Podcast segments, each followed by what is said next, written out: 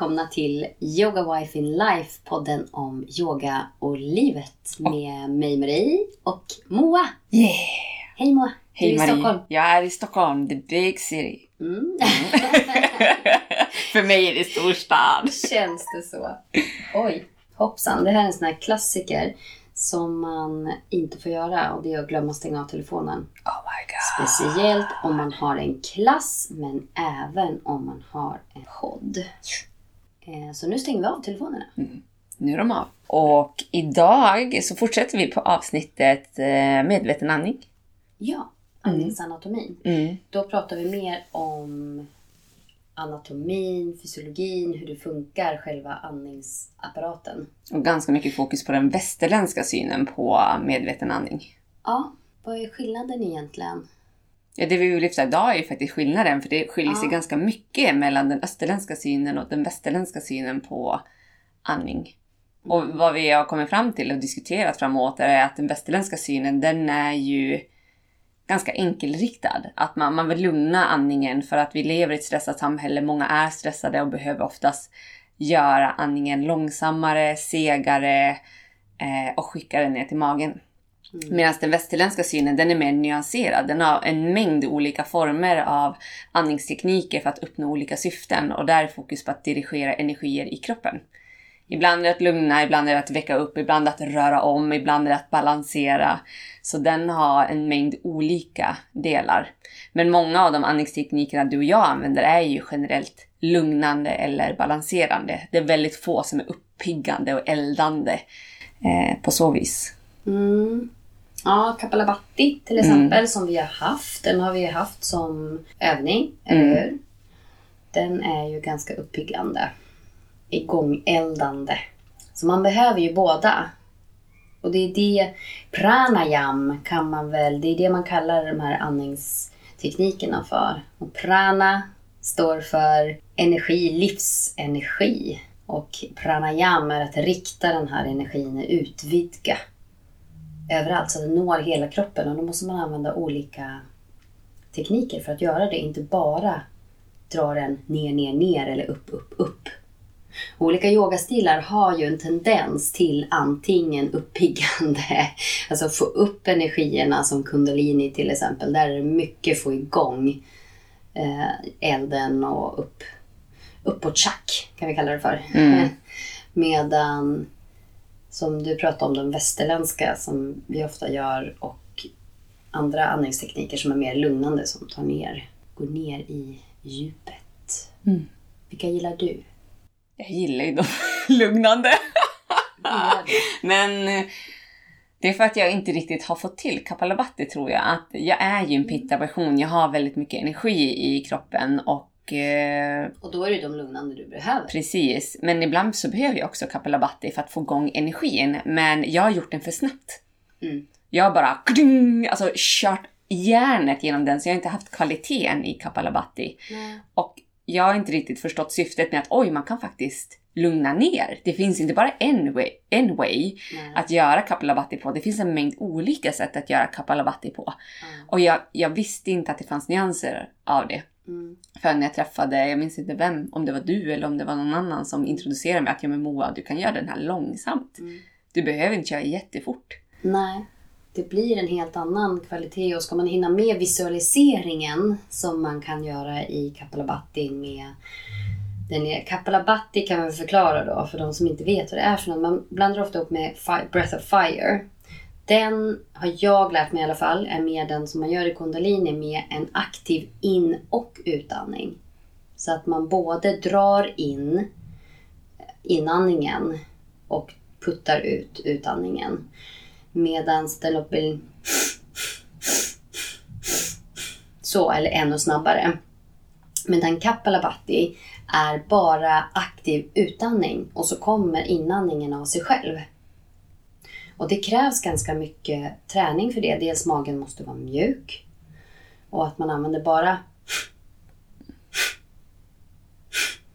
bara utandningen och sen inandningen låter den inte aktiv, man drar inte in den. Utan bara genom att du släpper ut magen så kommer luften in.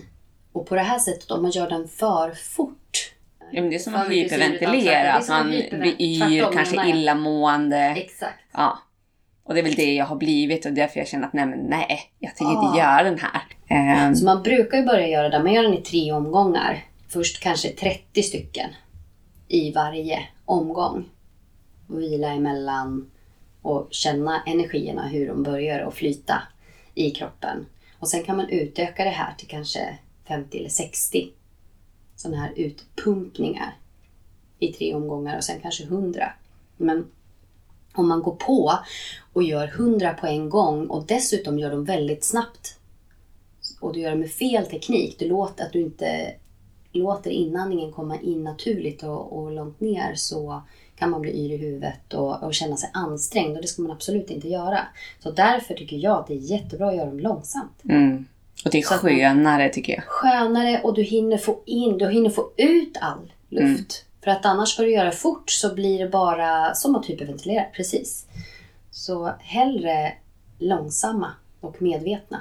Och Marie har ju faktiskt Kapalabhati i tidigare avsnitt så ni kan ju checka in det ifall ni är intresserade av den. Exakt, en guidad Kapalabhati. Yes. Men den här rör ju igång energin och väcker energin i kroppen så den är ju fantastisk att göra på morgonen exempelvis. Istället för en kopp kaffe så kan man prova att göra den här några gånger och se vad blir effekten i kroppen. För det är det man vill komma åt med pranayama. Vad blir effekten av att jag väcker igång energin i kroppen? Av just den här andningsövningen och hur påverkar den mig?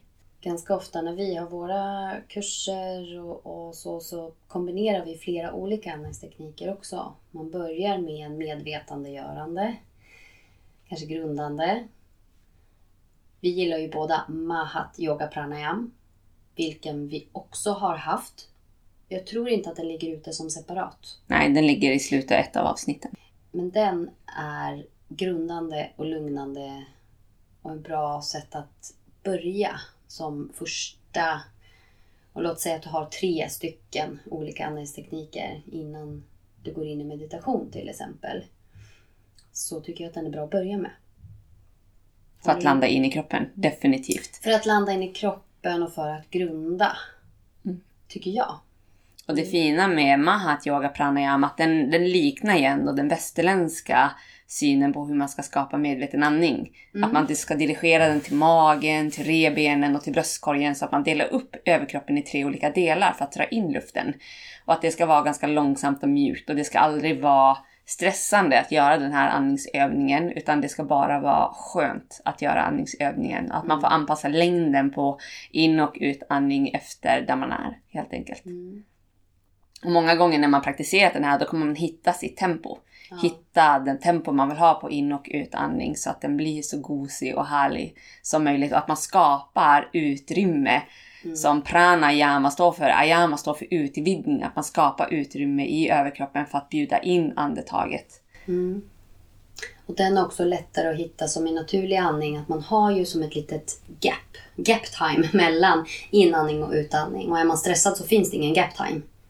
Då går man direkt ifrån inandning till utandning, från utandning till inandning. Men annars har man ju som en liten gap time både uppe mellan inandning och utandning och mellan utandning och inandning. Och den kommer naturligt när man lugnar sig. Och den inom pranayam kan man förlänga medvetet. Antingen så låter man den komma naturligt förlängas. Och bara vänta på att inandningen kommer utan att du själv styr det. Vänta på att utandningen kommer.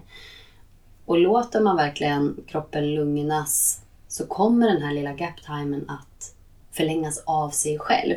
Men inom många pranayam-tekniker så förläng- förlänger man den här medvetet och då kallas det för kumbhaka. Och det är att hålla andan. Både när lungorna är fyllda och när lungorna är tömda. Och när jag började praktisera den då blev man som pushad så hårt att hålla andan i 16 räkningar. Ja. Och för mig, jag fick panik. Ja. Och den pranayama du och jag lär ut och jobbar med, där ska man inte få panik Nej. av andetaget. Utan man ska utgå från sig själv och så håller man andan, eller som du säger, bjuder in att liksom skapa det här utrymmet mellan andetagen. Att komma mer naturligt och mer mjukt. Ja, jag ser det mer som att man svävar emellan. Det, det blir det här tom... Det, det är nästan där meditation händer på något sätt. Gap time. Mm. Mellan, den här gap time som finns både mellan två tankar och gap time mellan inandning och utandning eller utandning och inandning. Det är där, där det bara är tomt. Jag tror att vi behöver mer av det. Mhm. Och det kanske är därför vi vill förlänga den här tiden, det här gap time medvetet. Men om du blir stressad av det, hjälper det då? Det tror Då jag blir det inte. ingen gap time. Nej. Så Då blir det prestation. Och det är Då blir det prestationen vi vill komma ifrån. ja. Och man räknar ju ofta, och det kan vara en hjälp, att man vill kanske hålla en viss... Kroppen gillar ju rytm, som man brukar säga, kanske andas in på fyra, håll fyra, andas ut på åtta. Eller ol- det finns ord, massa olika eh, räkningar man kan göra. Men ofta det man vill är att förlänga utandningen i relation till inandningen för att lugna mer. Men även då den här eh, kombakan kan man hålla antingen lika länge som inandningen eller lika länge som utandningen beroende på. Men om det är någon som räknar åt dig så blir det en stress i det, känner jag Mm. i alla fall. För vissa kanske funkar jättebra. Jag tror att man måste träna väldigt, väldigt mycket för att kunna vara lugn i det om någon annan räknar åt dig. Så jag brukar istället säga räkna själv din inandning i ditt huvud. Så. Och sen kanske räkna utandningen bara för att bli medveten. Så man räknar en, två, tre, fyra, fem. Så märker jag att ja, men okej, efter fem då vill jag andas ut. Och så kan man räkna på utandningen också. Och märker man att utandningen kanske till och med är kortare än inandning. Då har man lite att jobba på. Då kan man ju justera för då blir Då man ju man medveten. Mm. För alla har ju olika kapacitet på lungorna. Mm. Beroende på hur stor din kropp är, beroende Ja. på genetik, Mm. eh, beroende på erfarenhet, Mm. eh, stelhet i strukturer i kroppen som vi pratade om i förra avsnittet. Att Mm. är du stel i muskulaturen i bröstkorgen och magen då kommer du inte kunna andas lika djupa andetag heller. Nej. Och nu är inte djupet det viktiga, att du, den som andas djupast och längst det är den som har den bästa andningen, utan andas utifrån dina förutsättningar. Och eh, var nyfiken på vad andningsövningar kan ge för kvalitet i ditt liv. Mm. För exempelvis så, vi har Mahat Yoga Pranayam och så har vi en annan som heter Viloma Pranayam som är ganska lik Mm. varandra. Och Mahat Yoga Pranayam är ju uppdelad i tre, där du andas till magen, sen till revbenen, till sist till bröstkorgen och när du andas ut, andas du ut från magen, revbenen och bröstkorgen. Mm. Och Mahat Yoga Pranayam, den delar upp de här delarna i tre delar. Och tar som, ja, Viloma. Viloma. Viloma. Den, den delar upp den här i tre olika delar så man tar en liten paus mellan varje utvidgning. Och man börjar till magen, revbenen, bröstkorgen. Men när man andas ut, andas man ut från bröstkorgen, revbenen och till sist magen. Så tvärtom. Ja. Och eh, de har olika syften. För jag hade en tjej som var med på min yogautbildning för ett tag sedan och hon sa att nej men det är helt fel. För Mm. jag har lärt mig att man alltid ska andas ut via bäckenbotten. För att Mm. hon hade nyss fått barn. Ja. Och då när man jobbar med sina knipövningar så börjar man ju alltid med bäckenbotten. Man börjar ju aldrig med bröstkorgen. Nej. Och hon bara, nej men det, det här kan ju inte jag göra. Nej. Jag bara, jo, det kan du. Men du kanske måste ha en annan intention med den övningen. Att du dirigerar. För det är det jag tycker är så häftigt när man gör andningsövningar. Att man kan dirigera andningen på olika sätt. Mm. Jag kan jobba med Hatha Yoga Pranayam. Eh, och sen kan jag jobba med Viloma Pranayam och få nyanserna i olika sätt att faktiskt andas först med magen Mm. och sen andas ut med magen. Men en annan gång andas ut med bröstkorgen. Mm. Att jag kan dirigera det i min egna kropp. Och bli medveten om hur det känns. Mm. Och att variation, det vet vi. Variation, det är därför vi har olika tekniker. Och dels passar olika personer, men även att i allt behöver vi variation. Går vi bara och lyfter skrot så kommer vi att skada oss. Går vi bara och stretchar så kommer vi skada oss till slut. Går vi bara och springer kommer vi skada oss till slut. Men om vi blandar och ger, och det är samma med andningsövningarna, att variation utvidgar Mm. på olika sätt och på olika ställen. Och när man lär sig hur du känns i kroppen så kan du använda de här teknikerna beroende på vad du behöver. Känner du på morgonen att du behöver uppeldande kapalbhati, superbra.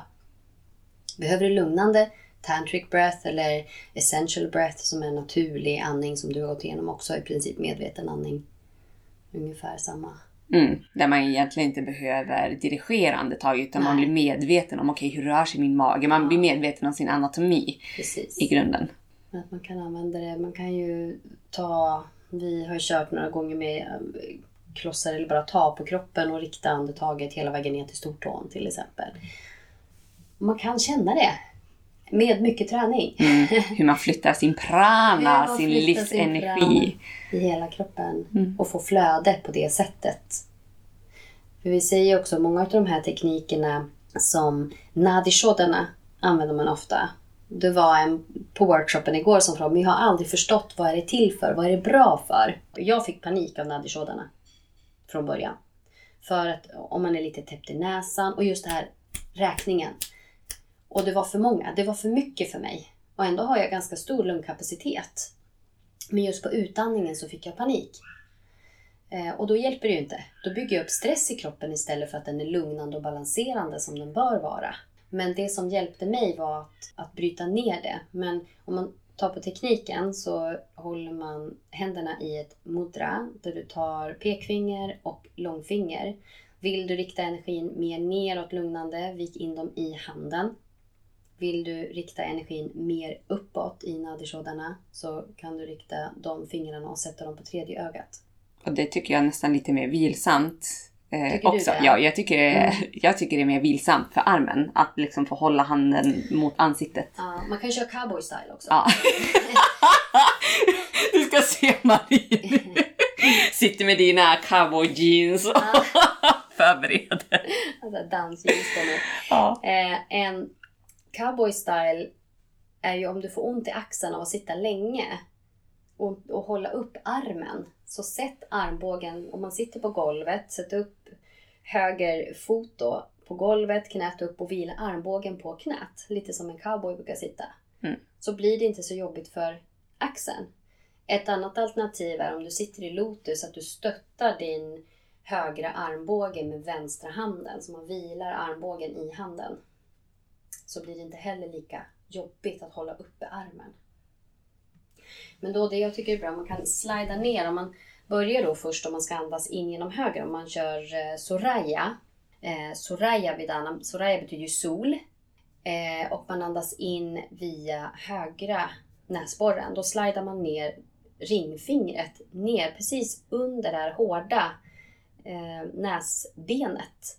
Så att inte hela vägen ner så man täpper för hela näsborren. För att om man är lite, lite täppt eller den, den fastnar liksom. Den är inte lika lätt att... Och, näsborren kan faktiskt vara öppen, men man bara täpper igen precis nedanför det här hårda näsbenet.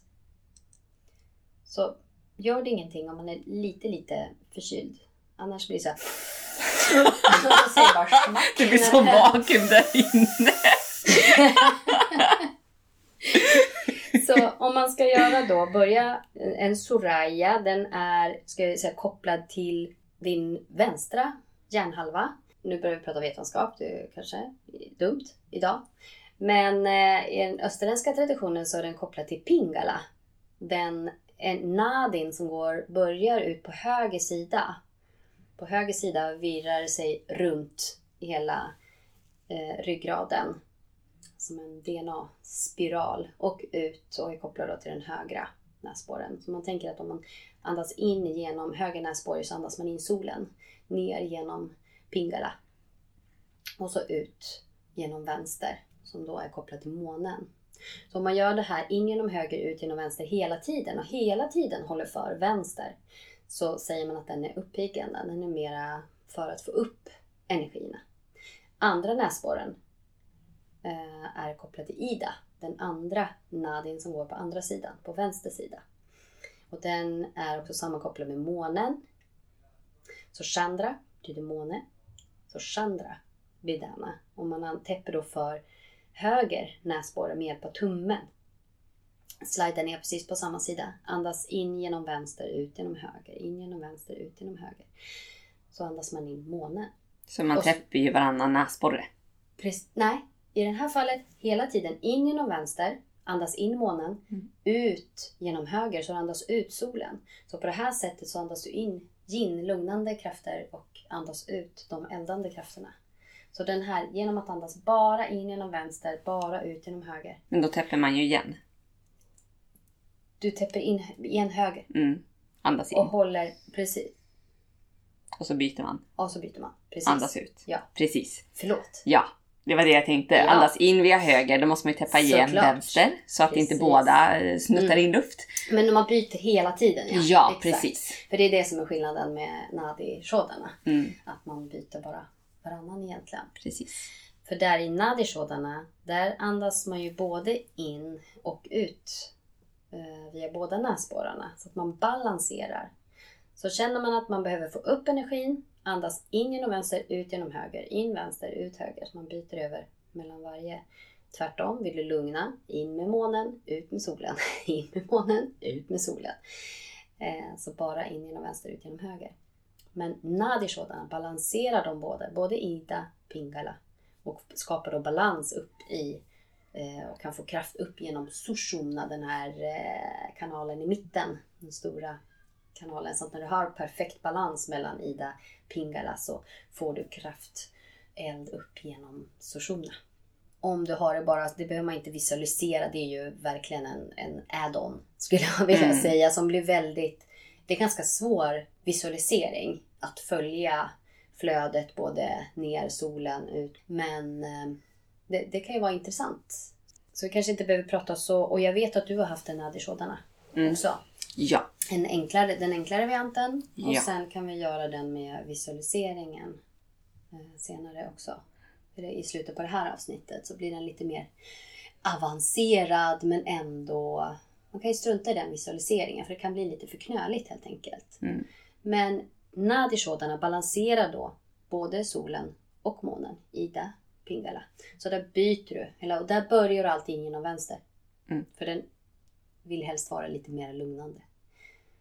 Man kan ju också jobba med kumbakas, alltså liksom de här förlänga de här mell- Jag skulle istället för att prata om kumbakas, för den är mer att stänga halslåset och rotlåset. Jo, att låsa energin från Låsa halsen ner till energin. bäckenbotten. Jag ser det mer här som att istället för att låsa så förlänger man mellanrummet bara.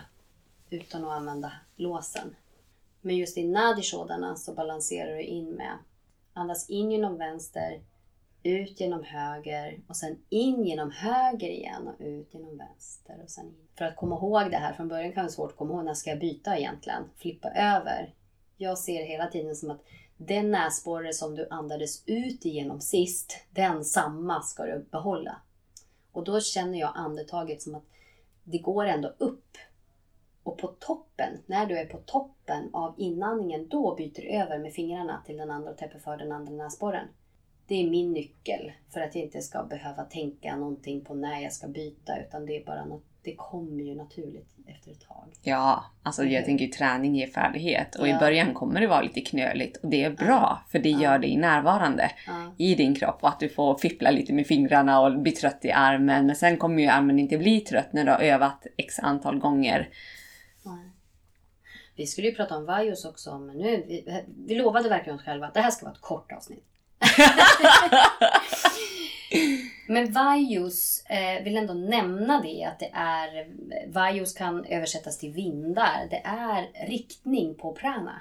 Att du kan rikta din energi i olika, åt olika håll. Och det är udana, apana, viana, samana och prana. Och lite kort bara kan man säga att udana, den finns i halsen och i armarna.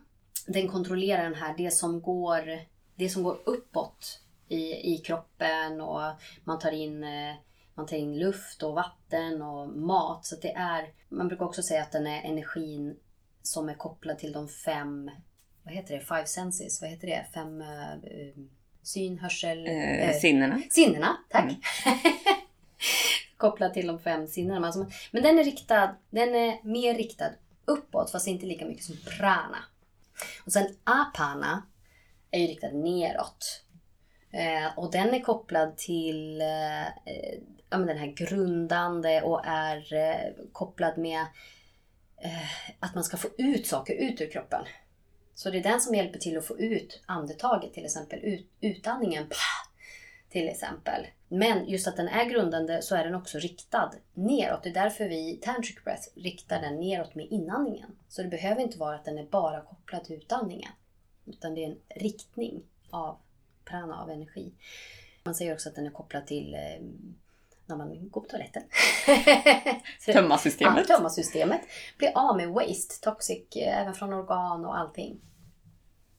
Och Viana är eh, energi som går utåt. Och egentligen en balanserad energi som, som åker genom, genom hela kroppen men sprider sig till, till hela kroppen. Men jag brukar känna den som, som inifrån kärnan och så ut åt sidorna upp över, överallt. Mm. den eh, kan vi nå. Ja, Mahat Yoga Pranayam känner jag, den är ju så vidgande. Inifrån och mm. ut. Hel, liksom alla, alla riktningar. 360 mm. grader som du brukar säga. Ja. och samana är mera balanserad energi som, som, eh, som finns också överallt i, eh, i kroppen och, och, och mer samlande. Metabolismen och um, förbränning. Och den, den är riktad mer inåt, utifrån och in. Samlande. Och så har vi då prana. Som är då en subtyp av det stora ordet prana. Livsenergi. Så den här är liksom riktad, riktad energi som är riktad uppåt. Eh, om man säger att den är kopplad till andning och eh, hjärtat. Och just att man kan känna den här energin som stiger på inandning men i tantric breath till exempel så kan du också känna den på utandning. Att du riktar energin. Du kan känna prana även på utandning om du riktar energin uppåt medvetet. Hur känner du? Har du liksom undersökt? Inte lika mycket olika... som du skulle jag Nej. säga i, i den bemärkelsen. Jag har ju jobbat mer med navelradiation. Ja. Och då jobbar man ju från centrum och ut och från extremiterna inåt. Ja. Så odana och samana ja, mycket. Precis. Och det gör man ju tillsammans med ja, rörelser och andning precis. så det blir mer vinyasa, ja. flödande mm. rörelser. Det hjälper ju oerhört mycket. Mm. I, även en flödande yoga. Mm. Så man behöver, um, behöver inte använda de här andningsteknikerna bara när du sitter stilla. Det är lättare att koncentrera dem men du kan förstärka det. Jag gillar ju att ligga på en filt. Mm. Och bara bläckfisken kallar jag den för. När man jobbar med från inifrån mitten och vidga ut och så tillbaka in. Och experimentera med de olika riktningarna och sprida prana på olika sätt. Bara leka runt, glida runt på en filt på golvet. Det är jättehärligt. Mm. Skulle vara lyckligare människor. Mm. Ja. Men vet du vad? Nu ska vi åka och hälsa på Erika. Mm. My heart body. Mm. Ja. Bad, och kallbada kanske? Och kallbada, definitivt. Inte ja. kanske, definitivt, kallbada. Definitivt kallbada. Mm. Tack för idag. Tack för idag. Vi ses snart. Ja. ja. Hejdå.